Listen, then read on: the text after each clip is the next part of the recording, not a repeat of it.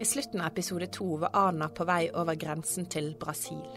Nå skal du få være med på resten av fluktruten. Og til slutt ferden helt frem til livet i Norge. Hvordan klarte hun det egentlig? Og hvordan har livet i Norge blitt?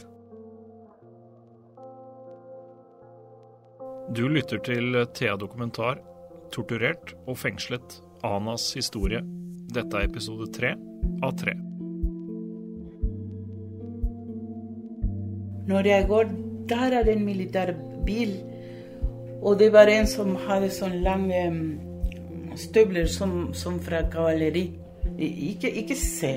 Så vi går, vi går, til høyre. Vi går til høyre her, sier mamma mi. Så vi gikk langt borte, langt borte, og så inn i Brasil.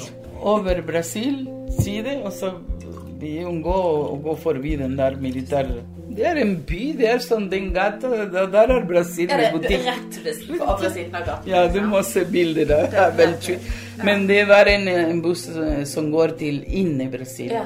Ja. Og vi sitter sammen med mammaen min. Og da var det ikke noe kontroll til du kommer inn i Brasil. Og mamma sier lat som du sover. Jeg går ut med pass for det. Det, det, er, det trenger ikke visum og sånn. Det er bare du må vise. Og så mamma viste både identitetskort, ingen politi, ingen grensevakter kom inn i bussen og sånn. Så jeg ja, så til, um, Vi kjørte til, um, til Porto Alegre. Langt borte fra mange, mange timer. Så da, du, da kom du deg til Brasil? Da var jeg i Brasil, i Porto Alegre, så tok vi den, en taxi i Brasil. Til, til, og mamma sa mamma snakka hele tiden. Eh, ta, oss til en billig hotell. Vi skal videre i morgen. Og så vi sitter der, og så han Ha, você forstår. Du har flyktet, sier han. Uh, eller dere har flyktet. Você, men han snakker til meg. Você forstår. Oi. Taxisjåføren skjønner at Ana har rømt. Han avslører henne. Men Ana orker ikke å lyge. Og jeg sa ja. Ja, jeg, jeg, har, jeg har flyktet. Ikke vær redd, sier han. Jeg vet et, et, sted. Så han kjørte oss til en hotell. Det var forferdelig greie, men det var de folka som er her, disse personene, er trygge. Det var prostitutter og sånn, men jeg kjenner alle, sier Vær trygg her. Og nærmere Rodoviaria er bussholdeplass, masse busser i Brasil, store greier. Her er du trygg. Og vi var med mamma der ikke sant? til dagen etter. Han ordnet opp, og vi betalte, betalte han. Svart. Lykke til, sier han. Dagen etter må Ana og moren si ha det til hverandre. Mammaen må hjem igjen til familien i Uruguay, mens Ana skal sette kursen mot den brasilianske byen Rio de Janeiro. Og så ser jeg begynte og gråte, og sier mamma, ikke gråt, ikke gråt. Ikke gråt nå. Sånn, sånn. Nei, ikke gråt. Bare le. Le. Og så vi, vi, vi tørket Gå i bussen nå. Ikke sant? Så jeg gikk i bussen til Rio de Janeiro, og da var Lill. Ja, så da møtte du henne igjen? Ja. ja. Mange timer fra Porto Alegre til Rio er som ti timer. eller Lang reise. I Rio har FN et kontor for flyktninger som fort hjelper Ana med å søke beskyttelse. Og så får du, være, eh, du får et kort, da. et brev som sier at du er eh, beskyttet av FN, at det, at ingen skal gjøre deg noe, at du kan bo trygg i Brasil foreløpig transitt. Transitt. Så da var du trygg, da? Ja. Og da var masse flyttinger fra hele Sør-Amerika. Det var Paraguay var, og Argentina, det var Chile, det var Nicaragua. Nicaragua var folk uh, beskyttet, men de, de, begynte å reise tilbake til Nicaragua. Det var folk fra Vietnam i den tiden, i 78, som kom båtflyttinger, eller som Brasil hadde tatt, eller den katolske kirken hjalp veldig mange til å komme til Sør-Amerika. Så Brasil var liksom det stedet alle Brasil, reiste for ja, å få hjelp? Ja, For i uh, FNs kontor for flyttinger hadde den også i, i Buenos Aires, men Buenos Aires i Argentina var diktatur. Så det var nesten umulig å komme seg der. Sammen med et knippe mennesker i samme situasjon flytter Ana inn i en stor leilighet, mens hun venter på svar om hvor veien går videre. Vi bodde i Copacabana. For vet du hva? Det er Caritas, Brasileña Caritas er den organisasjonen som er sånn, de hjelper flyttinger og folk som er på gata, sånn som her i Norge. Det, det Caritas skaffet oss en leilighet, og det var vi tolv personer inni der. Kjempestor leilighet for det er rikinger som bor i Copacabana. Med mange soverom og to kvartal fra, fra uh, havet. Det høres jo ganske greit ut. det, det var greit. Og vi fikk litt penger for å kjøpe mat og sånn, men de betalte husleie, da. Men vi kunne være der til FNs finner et, et annet sted. For Brasil ville ikke ha flyttinger der. Nei, Så dere ble, alle ble sendt videre liksom, Ja. etter hvert som de fant steder? Som vi fortalte tidligere, hadde Anas ektemann funnet en annen da hun slapp ut av fengsel, og de to skilte lag. Men i Brasil får hun øynene opp for en ny, spennende mann. Da fant jeg en veldig fin chilensmann som ble, ble, ble med. Ja, for han møtte Han du da han var med i, um, som flyktning fra Chile. Ja. Bodde dere i det samme leiligheten? Ja, etter hvert, ja. Ja. Vi laget barn til og med. Der nede? Ja. ja. Så min gud, Mario Eri, jeg sier du har laget meg i Brasil. Men født i Norge etterpå. Så det, det var den uh, likeste. Jeg var like også. En dag får Ana høre om et land helt nord som hun umiddelbart syns virker fristende. Det var en journalist egentlig fra Aftenposten som var der og fortalte om Norge. Norge var sånn og sånn. Og så hørte vi ja, da kan vi søke Norge. For vi, eh, eh, vi sa til FNs kontor ja, vi kan søke Norge, Danmark. Han fortalte om Danmark, Sverige og Norge. Syns du Norge hørtes ut som et bra sted, da? Vi søkte flere land. Jeg søkte Frankrike, Spania. Jeg søkte å komme til Nicaragua. Men til slutt er det altså Norge som skal bli Anas nye hjemland. Hun og chileneren hennes lander på Oslo lufthavn Fornebu 8.3.1980. Ana er gravid med et halvt år igjen til fødselen. Det var, det var veldig spesielt. For han Jorge Duarte var med sånn Lopez, Lopez Briseña og sånn. på Fornebu. Ja, det sto det en med et sånt skilt, liksom, med navnet deres på. Ja, og så Vi hadde sommerklær fra Rio de Janeiro her. Ingen hadde sagt ta og kjøpe en Det var bare en vanlig genser og, og så tynne sko. Det var snø. Og så jeg aldri i mitt liv hadde sett sånne. Og så han, han Duarte heter han, Jorge. Veldig fin mann. De, på den tiden det var den norske flyktningrådet som hadde ansvar for å ta imot kvoteflyktninger. kvoteflyttinger. Jorge tar paret med til Gyldenløve hotell i Oslo. Fra det flyplassen, og så sier i morgen kommer jeg, og så handler vi så, uh, vintersko og klær og sånn. Og han fortalte ikke det, men så begynte påskeferie den, det året der. Og så sier han OK, nå har dere fått, nå har jeg ferie. Herregud, vi to, jeg var gravid. Og så vi fikk masse penger i hånda, så dere kan gjøre hva dere vil, da. For da var det bare du og mannen din? Mannen, meg og mannen min, og så det var en dame som kunne På morgen på hotellet var det en dame som kunne litt spansk. Og jeg kunne spansk, og jeg hadde glemt engelsk. Og, det. og så hun sa ja, dere kan gå der i en butikk, kjøpe litt mat og sånn. Sånn bodde vi i den påskeuka, den første påskeuka i Norge. Omsider er påsken over. Jorge er tilbake på jobb. Nå skal Ana og mannen finne ut hva og hvor som skal bli deres nye hjem. Hvor Ana skal føde sitt første barn, og hvor han skal vokse opp. Og etter påske så kom Jorge Duarte og sier nå skal vi kjøre til Kongsberg. Kongsberg, hvor er det? Ah, det er det. Kongsberg, vet du. Har du sett den der filmen Los Héroes de Telemark? Telemarks, he, Telemarks helter? Ja.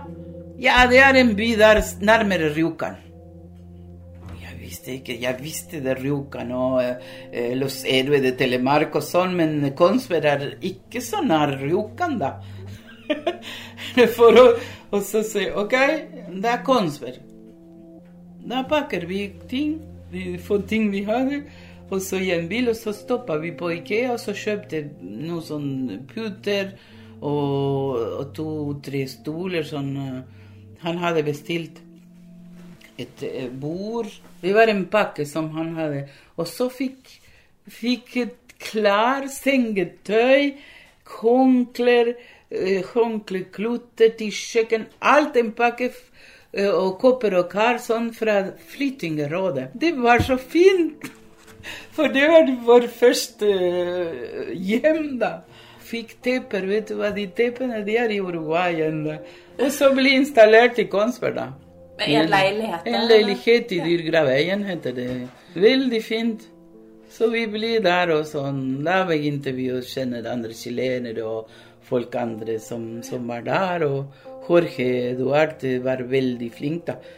Bortsett fra den der som jeg sa til Jorge Mang etterpå Du bare forlatt oss for det var påskeferie. Ja, men det er sånn i Norge. Påske er påske. Absolutt. Hjemme i Uruguay hadde Ana skrevet under på at hun aldri skulle være lærer igjen. Hun fikk verken undervise offentlig eller privat. Dermed trodde hun utdannelsen var bortkastet og lærerdrømmen umulig, men ikke i Norge. Jeg fikk jobb med en gang, for jeg var lærer, og de trengte morsmållærere. Så jeg begynte. Det var mange chilenske barn. Og... Ja, Så du fikk jobb som lærer ja. en gang? Ja, så da fikk... kunne du endelig jobbe som lærer, da? Ja, ja. Hvordan var det å endelig kunne jobbe som lærer? Veldig fin. For meg var det en befrielse. I 1982 kommer en sønn til. Vi fikk eh, Eli og Raúl. Mm. Og da bodde dere fortsatt på Kongsberg? Ja, ja. ja vi bodde der hele tiden. Og barna er født og vokst der på Skavanger-området, heter det. De gikk på barnehagen, og de gikk i skolen. Og ja, ble veldig engasjert med en gang. I barnehagen der sønnene går, jobber en dame som heter Veslemøy Fjæringstad.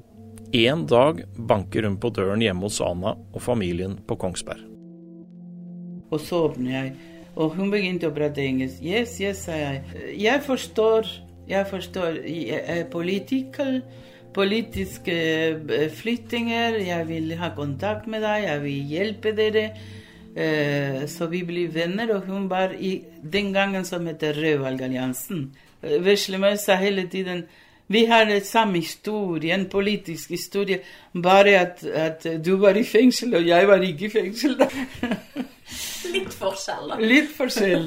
Men det var sånn min eh, engasjement i politikken. Det startet i 83. Og 83 var første gang i Norge som innvandrere kunne kunne være på lister. Da var jeg og min mann en av de første innvandrere, eller første gang innvandrere kunne være på lister. Ja, Så da sto begge to for RV ja, den gangen? Ja. Så det var veldig bra.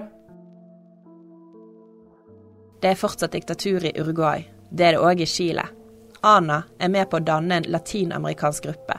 De lager solidaritetskonserter, fester og latinamerikansk mat til inntekt for sivilbefolkningen i de to landene. Vi samlet penger både til Chile og til Uruguay. Ja, Så dere og, sendte penger? Ja, vi sendte ja. penger, og vi sendte hjelp til, til, de som var i Chile og Uruguay.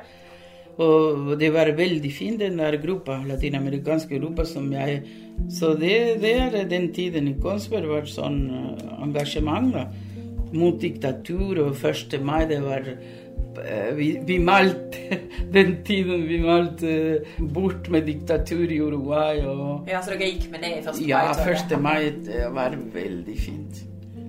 Hadde du kontakt med de hjemme da? Ja da. I Uruguay?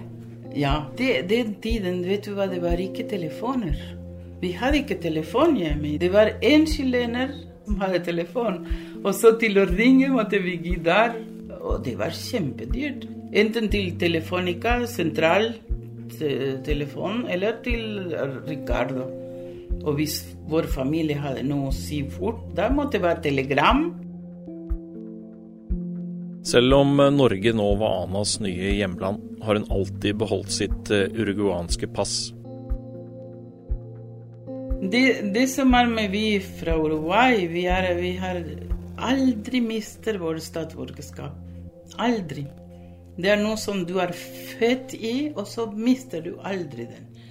Så når jeg kom her, så jeg var uruguayaner. Jeg fikk en sånn pass som heter eh, flyttingerpass, en sånn rød pass som det var det som reisepass, da. Hun fikk også tak i papirene sine fra lærerutdanninga, til tross for at hun i fengsel hadde underskrevet at hun aldri noensinne skulle undervise. Eksmannen til min søster Griselda også, han, han var veldig høyt i systemet der. Veldig venner med militærer. Men han jobber i systemet, utdanningssystemet i Uruguay. Og han sendte min, min mappe, studentmappe. Han skaffa den litt sånn på en eller annen måte. For alle studentene, alle lærere, har en mappe da, hvor det står hvor alle pensum, alle dine eh, eh, sånn diplomer og sånn. Ja, alle eksamener. Eksamener der. Han sendte meg den, den store mappa til meg. Og det vil jeg si at det var veldig fint, da, for han var veldig imot uh, oss og sånn, og masse problemer med søstera mi, for hun besøkte meg i fengsel og sånn. Masse problemer stakkars Griselda hadde. Uh, den andre søstera mi, det var ikke noe problem, for de var sånn Ja, de visste hva militærdiktaturen var og sånn. Men den Griselda stakkars hadde problemer med mannen sin, for han var høyt oppe i systemet. Og han ville ikke at hun skulle besøke meg, ikke kontakt med meg og sånn. Men hun gjorde det. Men en god gjerning han lagde, og sendte meg den. For det, det hjalp mye her i Norge å si OK, her er min Og med bilde og sånn. Min studentkort. Jeg hadde sånn studentkort med bilde. Så det Ja, for da kunne du vise at du hadde en utdanning? Ja. Utdanning og hvem jeg var. Ja, ikke sant? At det, var papiret som må bevise at jeg var den personen. Mm. Men når reiste du tilbake igjen til Uruguay, da? I 89. I 89? Mm. Ah. 89 kunne jeg reise tilbake. Hvordan var det, da? Det var, det var fritt å snakke, ikke sant. Nå var det fritt. Det var helt annerledes. Men har du hatt lyst til å flytte tilbake igjen noen gang? Nei. Nei. Vi hadde tenkt å kanskje kunne ha noe med, med repatriering, heter det. det, det. Repatriering det er et sånt ord som de bruker når du skal tilbake til ditt fedreland. Men vi hadde to fedreland. For min eksmann fra Chile og jeg fra Uruguay, vi visste ikke ikke sant hvor, og i tilfelle det var Uruguay, men det gikk ikke. Det, det, vi valgte ikke det. Vi valgte å bli her. Mm. Ana og familien har altså valgt å bli værende i Norge. Det er dette som er hjemme. Barna har vokst opp her, og Ana har fått venner og jobber hun har stortrivdes med. Hun har til og med videreutdannet seg. Nei, jeg jobba som lærer og fikk utdanning i 93 begynte på Universitetet i Oslo. Spesialpedagogikk og sånn. Så det var veldig bra. Og han, vi hadde en butikk, en nær butikk, og så jobba Men det gikk jo ikke bra med ekteskapet, da da vi skilte oss i 94. Det er ikke så lett å høre på opptaket. Men mens eh, Hans Ødegård legger inn noen nye vedkubber i peisen, utbryter han 'heldigvis'. Heldigvis, sier det. Mye mann på siden her. derfor sier jeg Juni, derfor sa min første mann det var han fra Uruguay. Min ja. andre mann er chilener, og den tredje mann er hans. han er nordmann. Veldig sånn internasjonal ja. Ta litt her og der. det er morsomt. Hvordan møtte du Hans, da? Jeg, jeg var i, i, ledelsen i partiet Rød Valgallianza den gangen, og så i 1998. Og så sier de ringte meg, Finn Olav, som var partisekretær. Finn Olav Rulli gjorde Anna, vi mangler, vi, vi mangler en hovedtaler til Langesund, til Bamble kommune, for det SV som var i den arrangementkomiteen her, den 1998 skulle SV ha hovedtaler. Men de kunne ikke skaffe noen, så de sa OK, da er turen til Rødvalgalliansen. Den, det året 98, da takker jeg SV for at de ikke har hovedtaler. Ja, For da ble du hovedtaler, da? eller? Jeg blir hovedtaler her. Ja. Og så kom jeg den 1. mai, og så bim, da vi forelska i Hans, Ja. kan ikke du kommer og fortelle litt eh, altså Hun sier at hun hadde hovedtalen, og så ble dere forelsket, men det hørtes jo veldig sånn ut. Det var sånn. Nei, det var eh, SV og RV var bare som hadde arrangement den gangen. Og så klarte jeg SV å skaffe taler som vi skulle råde, og så ska, skaffer jeg da Anna, for å si det sånn. Og så fikk jo, når hun hadde sagt ja til å holde tale, så fikk jo jeg og Anna utveksla telefonnummer. Og vi avtalte at hun skulle ta tog til Porsgrunn fra Kongsberg og 1. mai på morgenen. Og så skulle jeg hente henne der, og så skulle hun tale i Langesund. Og så tok jeg bilen og kjørte til Porsgrunn og til jernbanestasjonen. og Der kom toget. Så møttes vi, og så var det kjærlighet ved første blikk Ja, Var det det? for begge to. Ja, ja, men er det sant? Det er sant. Vi har vært sammen siden.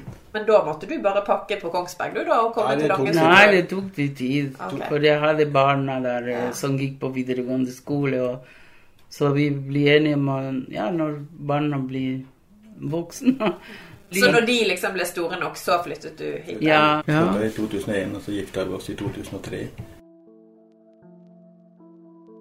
Anna kom altså til Norge 8. mars 1980. Først til Kongsberg, og seinere til Hans i Langesund. Hun skapte et godt liv for seg sjøl og sine to sønner. Det skulle ta mange år før hun la tiden med fengsling og tortur virkelig gå inn på henne. Anna var sterk og skulle være sterk. Men så skjedde terroren i Norge 22.07.2011. Det vekket de vonde minnene. Vi var sterke, vi snakka ikke, for vi skulle tåle dette her. Vi skulle stå frem. Vi, er, vi hadde rett. Vi hadde rett.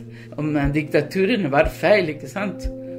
Så dere har hele tiden følt at dere skulle være sterke? Ja, ja, og ikke, ikke Og det, det, det preger oss, ikke sant. For, for meg var det sånn at jeg, jeg aldri snakket om, om det, sånne ting før, før nesten før 22. juli. Her snakker vi selvfølgelig om terrorangrepene 22.07.2011, der én mann drepte 77 mennesker. Først bombet han regjeringskvartalet i Oslo, hvor åtte personer mistet livet. Deretter reiste han til AUF sommerleir på Utøya, hvor ytterligere 69 mennesker ble drept. I all hovedsak politisk engasjerte barn og unge. For meg 22. juli var forferdelig, for jeg gikk tilbake som tilbake og tenke på den tiden jeg var 21 år da jeg ble arrestert for fullt. Og jeg ville ikke snakke om dette her. Ja, Nei, nei, jeg, jeg, sånn, jeg er sterk og jeg er engasjert i politikken og jeg alltid klarer alt. Men den, den dagen jeg tenkte Jeg hadde sånn Ja, hva heter det? Flash tilbake.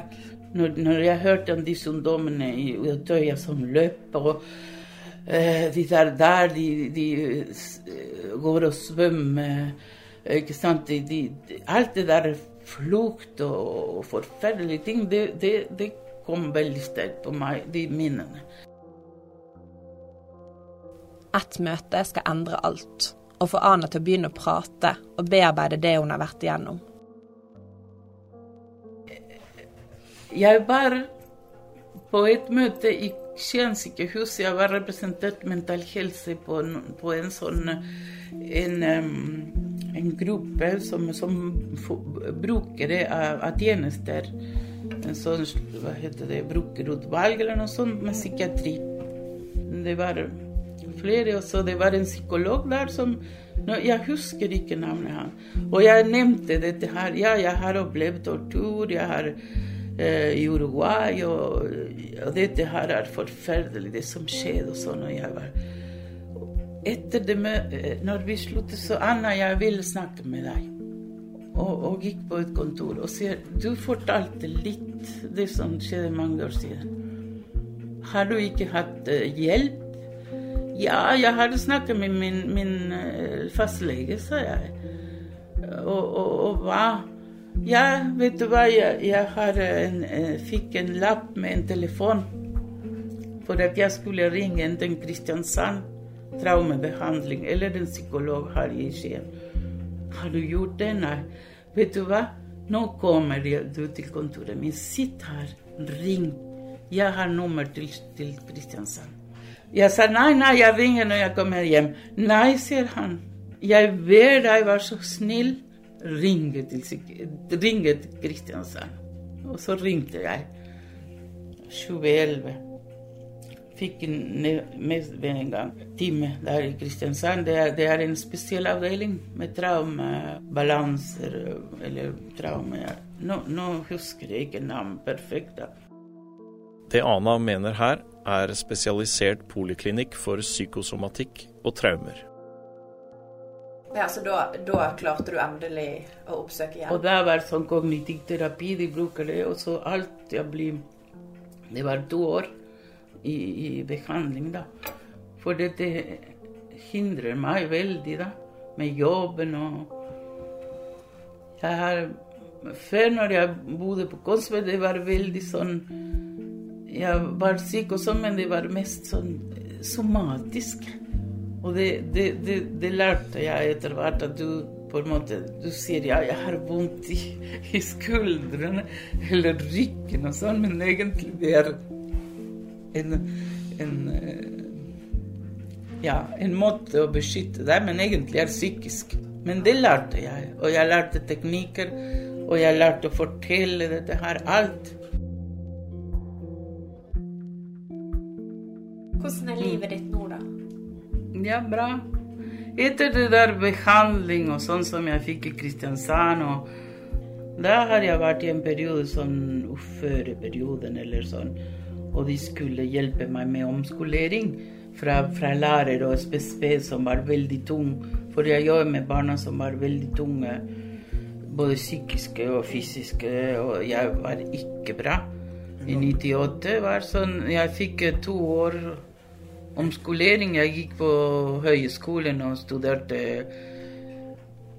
menneskerettigheter, konflikthåndtering, flerkulturelt forståelse i to år sånn i, i Drammen. Da, da var det en studio, så, så fikk jeg komme her. Så jeg fikk jobb første gang på Gullset i kulturavdelingen med jenter med innvandrerbakgrunn. Veldig fin jobb. Det var skikkelig fint. Da var det mange innvandrerbarn. Og det er fra Bosnia og ja, ja, Somalia. De jeg har kontakt med alle de. Når Ana forteller historien sin til Thea Dokumentar, skal hun om få dager reise på besøk til Uruguay sammen med mannen sin Hans. Nå er de begge pensjonister og benytter anledningen til å besøke landene på østkysten av Sør-Amerika i over to måneder. Vi skal feire 8. mars i Uruguay. Den kvinnedagen, det har vi gjort før òg. Ja. Så, ja, så du har vært der flere ganger, du, eller? Ja.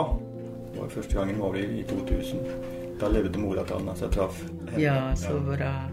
For hvem er det du har der nede nå, da? Søsknene dine? Min søster Griselda hun kom her en gang til Norge og traff en norsk mann på Kongsberg og gifte seg og sånn. Oh, ja. Og så de flytta til Spania, og så etterpå eh, Mannen døde sykdom. Og hun kom her og i Spania.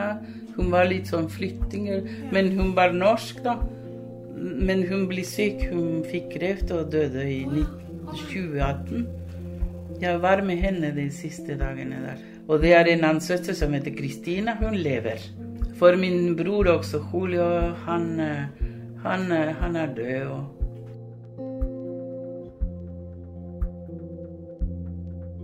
mm. Hva skjedde med han, da? Nei, han fikk sånn også sykdom. Men jeg skal si For det, det er en veldig spesiell Julio er halvbror min. vår fra første ekteskap til mamma. Og Julio han begynner å, å studere i La Fuerza Aérea, flyvåpen Han er militær. Min bror er militær. Flyvåpen. Han studerte i la escuela flyvåpenskole til mekaniker. Han er eh, eh, flymekaniker. Han ble sergeant. Han blir sendt til militæren i Uruguay. Er sendt til Panama-skole til å trene. Det var amerikanere som trente. Mange, mange av de militærer i hele Sør-Amerika blir sendt til Panama-skole.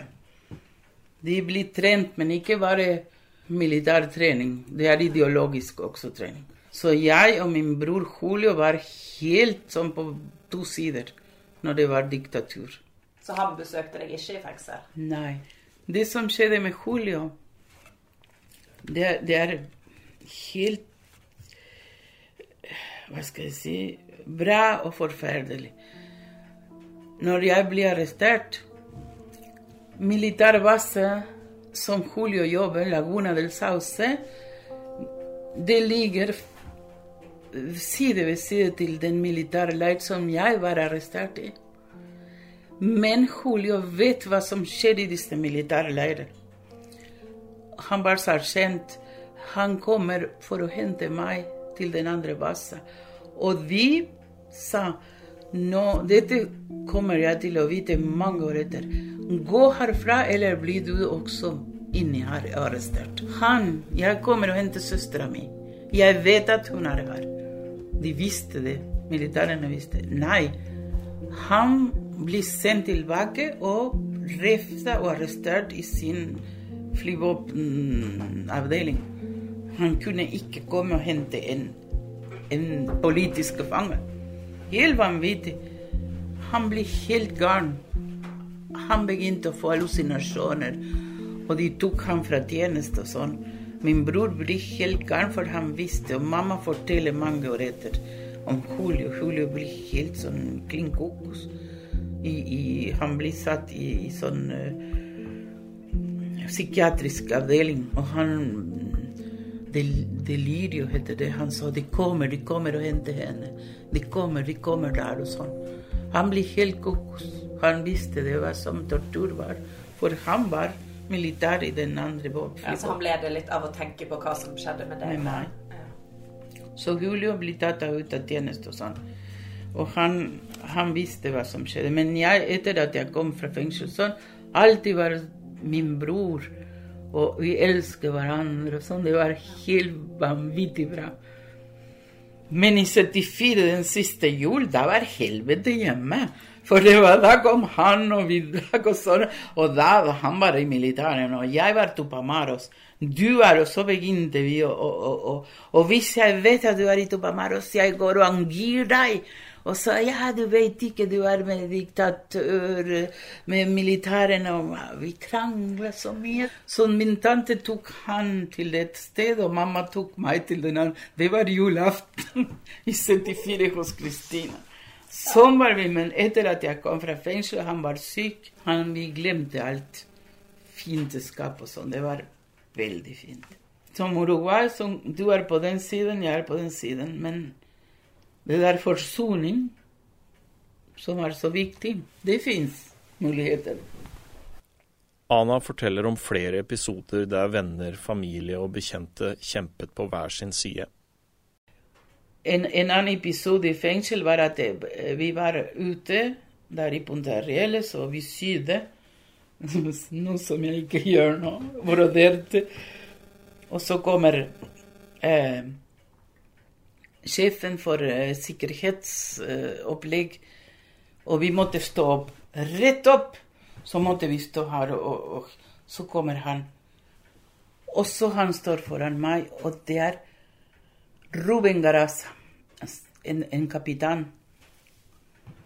Og Ruben ser på meg. Er du her? Ruben var naboen vår. Er du her? Og jeg sa ja, jeg er her. Og så sier 'Jeg visste ikke at du var her, Anna'. Og det var helt utrolig. Og så, så sier 'Ja, jeg visste at du var på den siden'. Da, sa jeg. For jeg visste han var militær, men han var nabo. Vi lekte sammen når vi var små. Pappa hans jobber med pappaen min i samme eh, sted. Helt utrolig. Etterpå mange år etter sier at min pappa sa vet du hva, Ruben, Ruben fortalte det her. Og Ruben går og gråter foran havet. For han vet alt som skjer, ikke sant? Når Ana er tilbake i Uruguay, møter hun både dem som var på hennes side, og dem som støttet militærdiktaturet. Men det, det, er veldig fint å treffe, for i min gruppe, for eksempel, spesielt fra videregående skole, der er folk som har vært veldig sånn militærvenner, da. Vi vet hvor vi er, men nå er vi sammen. Ja, Så uansett hvilken Ja. side man sto på, så Ja. er man liksom Mm. samlet nå? Det, det er et godt eksempel, da, syns jeg, etter disse konflikter og, og, og brudd på menneskerettigheter og, og konflikt, eh, dype konflikt i, i samfunnet, at du kan restarte en sånn eh, forsoningsarbeid. Ana har vært gjennom mer enn de fleste, og er nok også flinkere enn de fleste til å utnytte erfaringene til noe godt. Ja, det var mange sånne ting som er eh, vanskelig, men eh, gir eh, læring, da. Ja. Han har jo sagt av og til at noen har jo fly, flyter lettere gjennom livet enn andre. Og det er jo helt sant. Ja, det er eh, Og klart, eh, Mange av de som kommer til flyktninger til Norge, har jo bagasjen. Er. Alltid er litt bekymra. Eksempel, vi har en nabojente her som var i Utøya. Og, og, og, og, og når jeg vet at hun har vært, så vi prater med familien. Prat om det. For det er det som skjedde med meg. Du prater ikke. Du prater ikke med familie. Mine barn har nesten ikke visst hvorfor jeg er her, og hvorfor de er født i Norge. ikke sant? Fordi vi nesten ikke snakker. Selv om de har vært på stand med meg og delte leppestift her på Kongsberg, jeg har bilder av det. ikke sant? Og på dem og mot Chile ambassade og sånne ting. De har vært med på. Men den historien om alt dette her, som det vonde ting, det har jeg ikke fortalt.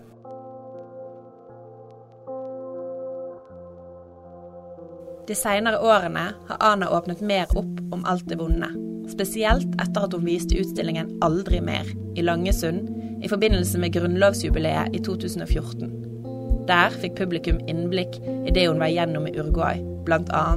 via brev, dokumenter og bilder. Den utstillingen den har hun vist flere ganger i inn- og utland, til og med i Uruguay. For det er sånn å prise menneskerettigheter, ikke sant, og det er aldri mer. At det ikke skal skje sånne forferdelige ting i et samfunn. Ja.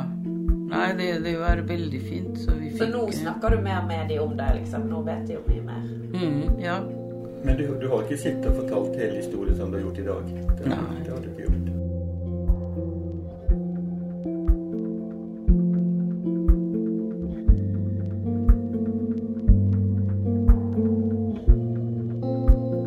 Du har nå hørt episode tre av tre, fengslet og torturert, Anas historie.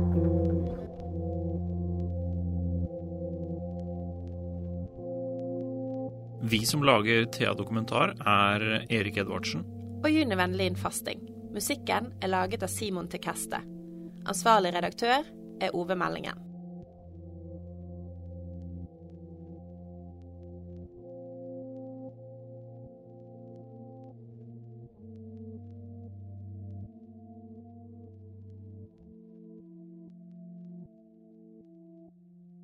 Har du et enkeltpersonforetak eller en liten bedrift? Da er du sikkert lei av å høre meg snakke om hvor enkelt det er med kvitteringer og bilag i fiken, så vi eh, gir oss her, vi.